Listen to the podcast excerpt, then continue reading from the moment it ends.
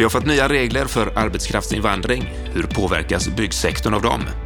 Världens första byggnad med fossilfritt stål byggs just nu i Lund. Hur stort är detta? Du lyssnar på veckans Aktuellt från Bopelpodden. Jag heter Niklas Tollesson och dagens expert heter Lennart Weiss. Vi ska prata räntor, hyresförhandlingar, skatter, kriminella hyresgäster och så har Lennart utlovat en riktig sågning.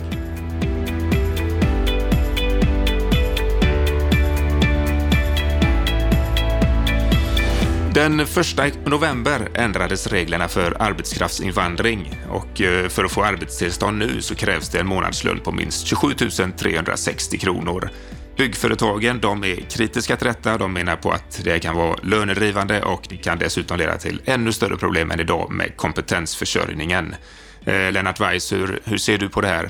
Jag tycker att byggföretagen, liksom en del andra som kommenterar den här debatten, gör sig skyldig till en märklig självmotsägelse. Man säger å ena sidan att det skulle bli svårare med kompetensförsörjningen. Å andra sidan så, så eh, menar man att det här då skulle eh, vara lönedrivande på något sätt. Jag förstår inte argumentationen.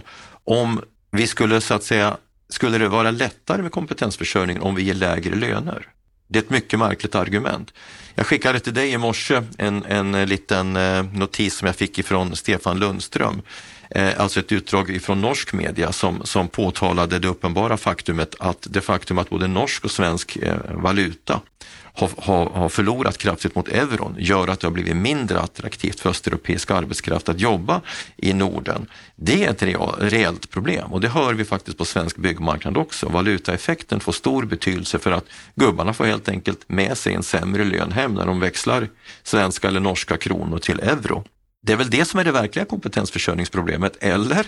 Eller är problemet att arbetskraften kostar för mycket? Ja, jag tycker nog att det, det, det skorrar en aning falskt i argumentationen här. Även om jag är en varm anhängare av den svenska modellen så måste man ändå inse att det finns för det första en grupp på arbetsmarknaden, en sorts löneproletariat, som är eh, exploaterade och utnyttjade. Det kan man inte acceptera. Och för det andra så tycker jag faktiskt att regeringen har rätt i att man ska försöka stimulera människor som är utanför den svenska arbetsmarknaden att komma in på densamma och då måste man ju använda positiva incitament. Så för ovanlighetens skull så stöttar jag regeringen i den här typen av fråga och jag tycker att de som har, riktar invändningar eh, gör sig skyldiga till det man brukar kalla för en oren argumentation. Och för eh, byggbranschen som sådan så ser du inte att detta ska vara negativt?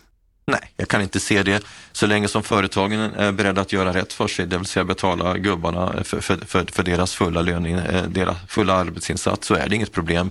Alltså, jag såg något räkneexempel här där man refererade till lärlingar. Ja, nu ska vi inte ta en lång utläggning om det här, men utländsk arbetskraft som inte har, som inte har yrkesbevis, de kan ju få 70 eller 88 eller 100 procent av kollektivavtalets grundlön.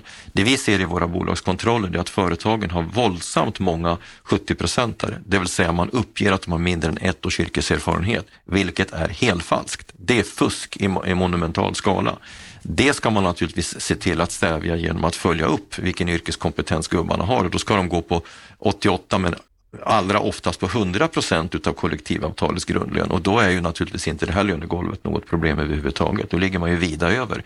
Så det verkar nog snarare som att man inte vill betala för människors, fullt ut för människors arbete och det tycker jag är problematiskt.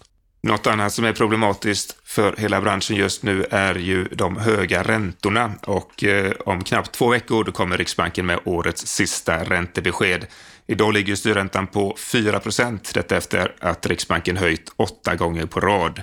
Eh, nu känns det dock som att det är väldigt eh, osäkert, mer osäkert än på länge kring hur Riksbanken kommer att göra. Antingen så låter de räntan ligga still eller så höjer de med 25 punkter till och eh, marknaden räknar nu med en sannolikhet för en höjning på 60 procent. Och flera bedömare som uttalar sig i media veckan verkar tycka att tycker att Riksbanken inte bör höja, men de tror att Riksbanken höjer ändå. Vad tror du, Lennart? Ja, jag är lika osäker som de flesta andra. Jag tror möjligen att de som har så att säga uttalat sig i veckan eh, och gör bedömningen att Riksbanken sannolikt kommer att eh, höja räntan lutar sig mot de siffror som kom avseende livsmedelspriserna. Och livsmedelspriserna är naturligtvis en tung parameter i den här inflationskorgen. Men, då, men man ska inte glömma bort att tjänsterna, alltså priset på tjänster, väger ungefär 50 procent i den här korgen. Och de siffrorna kommer från SCB nästa vecka. Så jag tror att eh, SCB-statistiken kommer att fälla avgörande. Om det skulle visa sig att eh, inflationsutvecklingen på tjänster är måttlig eller till och med backar, då tror inte jag att det blir en räntehöjning. Skulle det däremot visa sig att tjänsteinflationen fortsätter att tuffa på, då blir det en höjning. Men sen är frågan, blir det på 25 punkter? Det kanske bara blir på 10 punkter.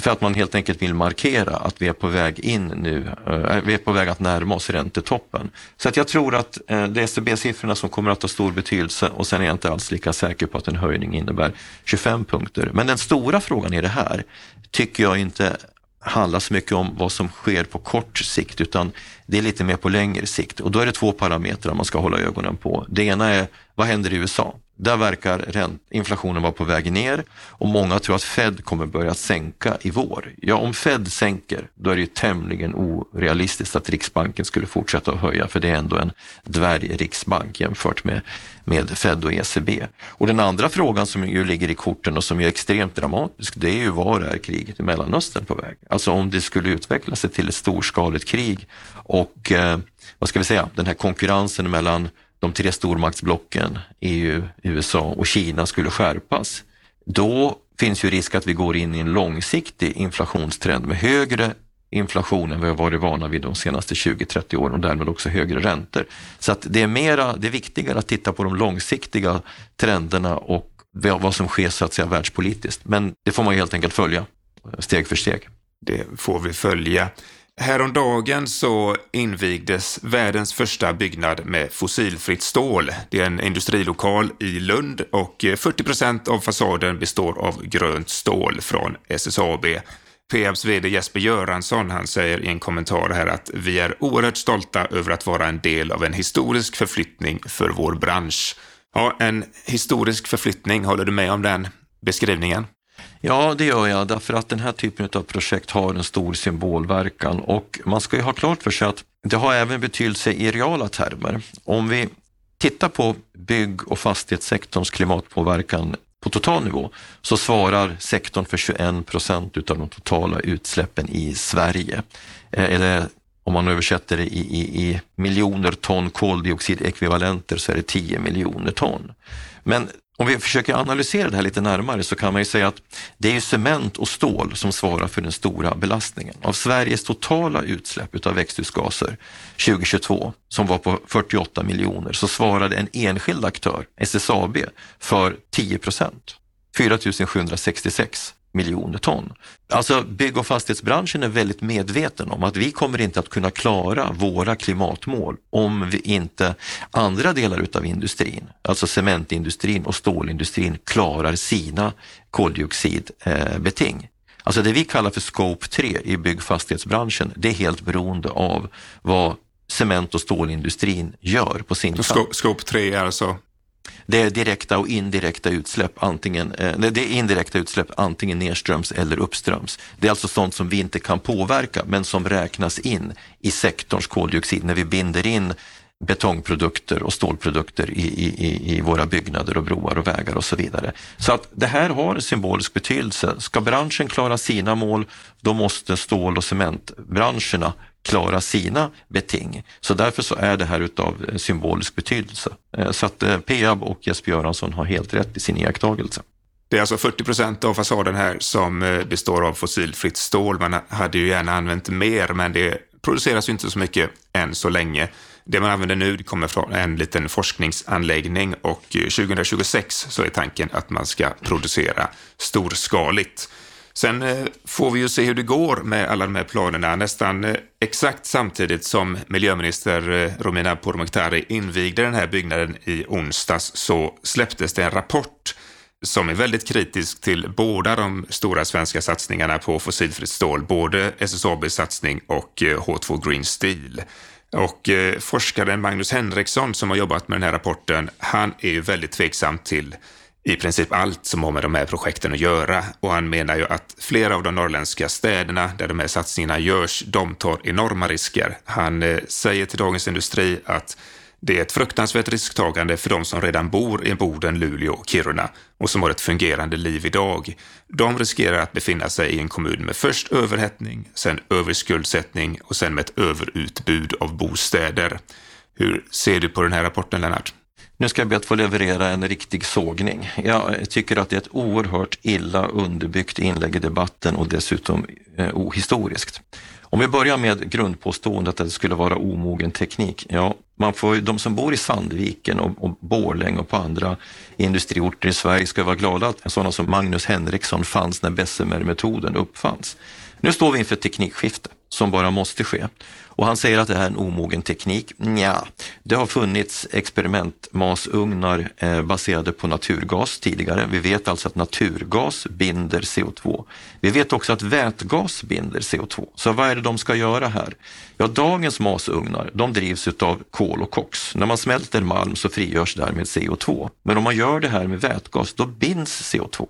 Och det är liksom det sättet som man har identifierat som det enda möjliga om vi ska minska den oerhörda CO2-belastningen ifrån världens stålindustri som är alltså ungefär 10 procent utav eh, jordklotets CO2-belastning. Då kommer vi till argumentet att det här kräver ny teknik. Ja, låt mig då påpeka att historiskt så har all ny teknik krävt mer energi.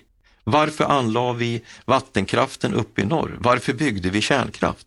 Därför att Sverige är ett industriland som drivs utav ny teknik. Om jag tar en parallell, just nu så bryter det fram annan eh, teknik då, som jag kan ifrågasätta eh, relevansen av på ett mer principiellt plan. Om du tar blockkedjetekniken. Den, eh, den förbrukar bara den flera kärnkraftverks energiproduktion i världen och den fyller dessutom ingen, eh, ingen påtaglig nytta. Men här talar vi om någonting som är fundamentalt för svensk ekonomi. Vi är ett industriland. Vi kan inte bara leva utav tjänster utan vi måste leva utav industriell produktion. Eller om vi tar elbilar. De här elbilarna vi tar fram nu, de kräver mer energiproduktion. Alltså alla tekniksprång kräver mer energiproduktion. Så att rikta det som invändning till att vi nu håller på att ta fram en ny industriell teknik som ska säkra Sverige som industriland, det är ett minst sagt mycket ohistoriskt perspektiv på frågan. Men det stannar ju inte där då, va? därför att om man tittar på den här frågan worldwide, ja, stålindustrin i Tyskland och Kina står inför samma bekymmer. Men här har ju Sverige en potentiell konkurrensfördel därför att vi har möjligheter att ta fram energi billigare än Tyskland och Kina. Ja, då blir ju alternativet att vi inte ska göra det tekniksprånget. Ja, ska vi fortsätta producera stål då med brunkol? Ja, då kan vi vara garanterat säkra på att vi kommer att koka jordklotet. Så att eh, resonemanget håller inte vare sig principiellt eller strategiskt. Vi står inför en klimatkris. Vi måste göra de här förändringarna. Vi nämnde nyss att bygg och fastighetsbranschen är helt beroende av att cement och stålindustrin klarar sitt språng. Så här fäster jag min lit till att fasta, stabila män som Göran Persson, styrelseordförande i LKAB och andra sätter ner foten, markerar att vi är ett industriland och då måste vi ta de här tekniksprången, vi måste ta de här investeringarna. Och vi som har sommarstugor i bygder där det kanske sätts upp en eller annan vindsnurra, vi får acceptera vi är på väg in i en ny era och den kräver förändringar som vi alla måste ta till oss. Och inom parentes så gör jag den lilla iakttagelsen att folk som gnäller på stora vindsnurror byter uppfattning så snart de sätter upp en egen och kan köra sin egen bil på i stort sett gratis energi. Så att det handlar helt enkelt om att se till att eh, det här görs på ett fördelningspolitiskt korrekt sätt så att inte vissa människor drabbas och andra blir vinnare. Men gör man bara det så kommer det här gå bra. En sista kommentar. Det finns en liten lobby utav klimatförnekare och teknikfientliga gubbar i näringslivet. Och jag är säker på att det är de som har finansierat den här, eh, den här så kallade studien. Den är inte bättre än den här eh, högskole eller folkhögskoleekonomstudien som presenterades i somras. Det är i stort sett samma soppa som man kokar en gång till. Det är helt irrelevant, det är en helt irrelevant diskussion. Det enda han säger utav värde, det är att kommunerna kan bli förlorare om de drabbas utav fly-in, fly-out. Därför så måste bostadsfrågan kopplas på här, så att de här nya industrijobben också bemannas utav människor som bor permanent på de här platserna. För att skulle inte det ske, då, kom, då kan Luleå, Boden och andra kommuner drabbas utav stora bekymmer. Men i övrigt så finns det ingen anledning att sätta klackarna i marken, utan det här måste bara göras, punkt. Hur tror du kommunalråden i Boden och Kiruna resonerar när de ser den här rapporten? Ja, de blir väl oroliga först, men, men, men dessbättre så finns det ju eh, etablerad kunskap kring den här frågan. Jag är helt säker på att den finns inom H2 Green Steel, inom SSAB, inom LKAB och eh, de signalerna kommer alldeles säkert att tränga fram både till rikspolitiken och till eh, lokalpolitiken. Eh, och dessutom så är det bara så att det här måste göras på av hänsyn till hela klimatkrisen. Det här är frågor på en global nivå och eh, därför så är det här i, värsta fall ett litet hack i kurvan men det kommer inte att förändra en helt oundviklig utveckling. Vi går från de här globala frågorna ner till de svenska hyresförhandlingarna. Fastighetsägarna Stockholm de inledde ju årets hyresförhandlingar med ett yrkande på 12 procent och eh, Hyresgästföreningen svarade då med 3,3 procent. Nu har fastighetsägarna sänkt det här yrkandet, eh, trots att de, som de själva skriver, att de egentligen hade behövt mer än de 12 procenten de begärde från början för att täcka sina kostnadsökningar. Eh, men trots det så har man nu alltså sänkt yrkandet till 10 procent och Hyresgästföreningens svar på det är att stå fast vid sina 3,3 procent. Och strax innan hyresförhandlingarna inleddes så presenterade ju de tre parterna, fastighetsägarna, Hyresgästföreningen och Sveriges Allmännytta, en gemensam vägledning för trepartsmodellen som skulle underlätta förhandlingarna. Hur går det med det, tycker du? Ja, jag, jag, jag hör ju de signaler som skickas ifrån de olika eh, delarna av den här treparten och de, de uttrycker ju en stor eh, förtröstan på att trepartsöverenskommelsen ska hålla. Den här så kallade uppdaterade trepartsmodellen, ja den innehöll väl egentligen inte så mycket mer än att man ska så att säga inför de årliga förhandlingarna tillsätta en liten studiegrupp, en studiecirkel, där man då ska så att säga bena i de olika parametrarna som tillsammans då ska bygga upp ett, ett, ett hyresyrkande. Jag tycker som jag sagt förut i, i veckans Aktuellt att, att modellen dock är behäftad med en svaghet. Om förhandlingssystemet på hyresmarknaden ska överleva så måste den bli mer lik förhandlingsmodellen på arbetsmarknaden. Det vill säga parterna måste bli mer jämnbördiga och det måste också tas någon typ av grundläggande hänsyn till, till eh, ekonomiska parametrar när det gäller näringslivet i stort så gör vi det utifrån exportindustrins intressen. Här borde man föra ett motsvarande resonemang eh, utifrån fastighetsägarnas eh, synvinkel för att helt enkelt säkerställa lönsamma investeringar så att det byggs fler bostäder. Jag skulle vilja förorda att trepartsmodellen kompletterades med ett centralt led där parterna sätter ett märke och att detta märke är tvingande för de lokala förhandlingarna. Man lägger helt enkelt ett golv för löneförhandlingarna som sedan de lokala parterna kan kugga tag i och så kan de förhandla om driftskostnader som kan variera på lokal nivå, eventuella investeringar som kan tas på lokal nivå, hyresgästförbättringar och så vidare som kan tas på lokal nivå. Men Alltså förtroendevalda i lokala hyresgästföreningar ska ju inte sitta och diskutera vilken effekt som räntehöjningarna har på företagens driftsnetton eller fastighetsbolagens värderingar när de sitter och diskuterar förhandlingar. Det har de inte kompetens att göra. Så jag tror så, jag tror så här att antingen så, jag tror att trepartsöverenskommelsen har ett år till på sig. Antingen så klarar de av att leverera ett ram ramförutsättningar som gör att de lokala förhandlingarna landar på rimliga nivåer. Eller så tror jag att treparten är död och då tror jag vi har vilda västern och då tror jag att vi ganska snart har en ny debatt om marknadshyror och det vill ju inte Hyresgästföreningen eh, för liv och pina ha överhuvudtaget. Därför så ligger det i deras intresse att de faktiskt tar steg framåt för att få modellen att fungera och bli mer lik de villkor som vi har på arbetsmarknaden i stort. Ja, vi får se hur detta utvecklas. Det är 12, eh, som det är i Stockholm här så är det alltså 12 procent mot 3,3. Vad tror du att det kommer landa på till slut?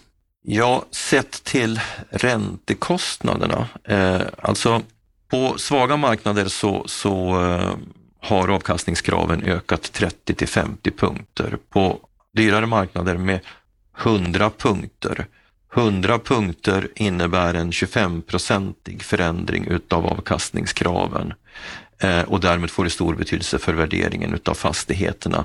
Ja, jag skulle säga att du måste åtminstone landa på 5-5,5 procent för att fastighetsvärdena ska försvaras. Gör man inte det, då kommer, då kommer eh, det bli ett nytt år med negativa driftsnetton och då kommer det att påverka bolagens balansräkningar. Fler bolag kommer hamna i kris och det kommer definitivt inte byggas några bostäder. Så att eh, Hamnar det lägre än så, då blir det problem. Ja, vi får se var det landar någonstans. Eh, för några veckor sedan så presenterades ju utredningen som ska göra det lättare att vräka kriminella hyresgäster. Nu har Hem och Hyra gjort ett stort reportage om detta och eh, de har bland annat gjort en intervju med Olof Andersson som är VD på Trianon i Malmö. Och eh, Trianon, de försöker lösa de här situationerna med att förhandla och få kriminella med att gå med på att flytta till en annan lägenhet i beståndet. Och det är Olof Andersson själv som VD som sköter de här förhandlingarna. Han säger till Hem och Hyra att eh, det är jag själv som står för dialogen för att inte riskera vår arbetsmiljö. Det är så samhället ser ut idag. Hur ser du på Trianons och Olof Anderssons sätt att hantera det här? Ja, när jag läste det där så fick jag en liten flashback av hur det fungerar i vår bransch, alltså byggbranschen, när vi råkar ut för kriminella element. Jag kan ju vara helt öppen med att branschen har haft ett problem med mc-relaterad kriminalitet. Den hade under en period särskilt fotfäste i asfaltsbranschen. Säpo bedrev ett nationellt projekt för ett antal år sedan för att stävja detta och det skedde i samarbete med branschen. Och eh, jag tänker inte avslöja exakt vilka tillvägagångssätt vi hade, men, men, men därför det kan vara olyckligt att sprida det till, eh, till de kriminella strukturerna. Men jag kan väl säga så här att vi fick också lägga frågan på en högre nivå för att helt enkelt skydda de som sitter med operativt ansvar i olika affärsenheter.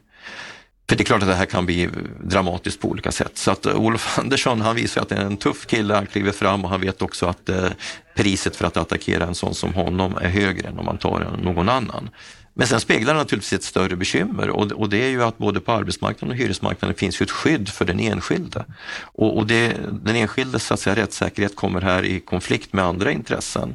Och det där är inte helt lätt att väga av. Jag har ju haft en uppfattning i den här debatten att jag tycker att fastighetsbolagen ska ha en starkare rätt att, att, att vräka kriminella. Däremot har jag ställt mig på tvären när det har gällt eh, krav på att eh, vräka familjer till följd av att deras barn begår brott. Där har jag ställt mig på tvären, därför att man får inte hålla på med någon sorts guilt by association.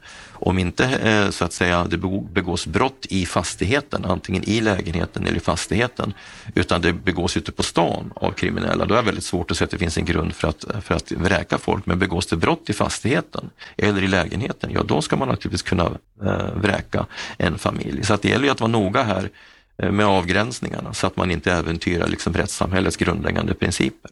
Vi ska avsluta med en eh, undersökning som Timbro har gjort som handlar om så kallade dolda skatter. Den visar att 60 procent av svenska folket känner inte till stämpelskatten, alltså den avgift som man betalar i samband med att man eh, köper ett hus. Den ligger på 1,5 procent av köpesumman och ska man sedan belåna huset och ta ut nya pantbrev så finns det en stämpelskatt här på 2 procent av lånebeloppet. Mm. Så att eh, om man köper ett hus för 5 miljoner och eh, lånar 4 miljoner med nya pantbrev så blir stämpelskatten här 155 000 kronor, vilket ju är väldigt mycket pengar för, för något som man inte känner till. Blir du överraskad över att höra att det är så många som inte känner till stämpelskatten? Nej, inte ett dugg. De känner säkert inte till begreppet vägavgifter heller eller, eller VA-avgifter om de bygger en ny villa, utan det är bara någonting som de upptäcker. Plötsligt så blir det kolossala avgifter som bara ramlar in. Jag råkade se statistik på det här. Om man, om man tittar på hur eh, byggpriser kontra mark och exploateringsavgifter utvecklats de senaste 20 åren så har byggkostnaderna ökat med ungefär 100 procent sedan år 2000. Men mark och exploateringsavgifterna som kommunerna lägger på på projekten har ökat med 300 procent. Hur stämpelskatten specifikt har utvecklats det vet jag inte, men, men det finns alltså en flora utav avgifter och skatter som av den breda allmänheten är tämligen dolda. Men för branschen är de ju inte särskilt dolda. Vi känner ju till de här avgifterna och vi ser väldigt tydligt hur de fördyrar projekten. Så att när man hamnar i den här eviga debatten om byggkostnaderna så tvingas jag ju om och om igen påpeka att byggkostnaden, alltså den rena byggkostnaden, den är ungefär 50 procent, eller kan vara 53-55 procent ibland också, utav den totala produktionskostnaden. I övrigt så är det alltså skatter, eh, byggherrekostnader, riskpåslag, men skatter spelar en väldigt, väldigt stor roll för de totala produktionskostnaderna. Men det blir alltid liksom byggbranschen som får klä skott för, att, för ökade kostnader.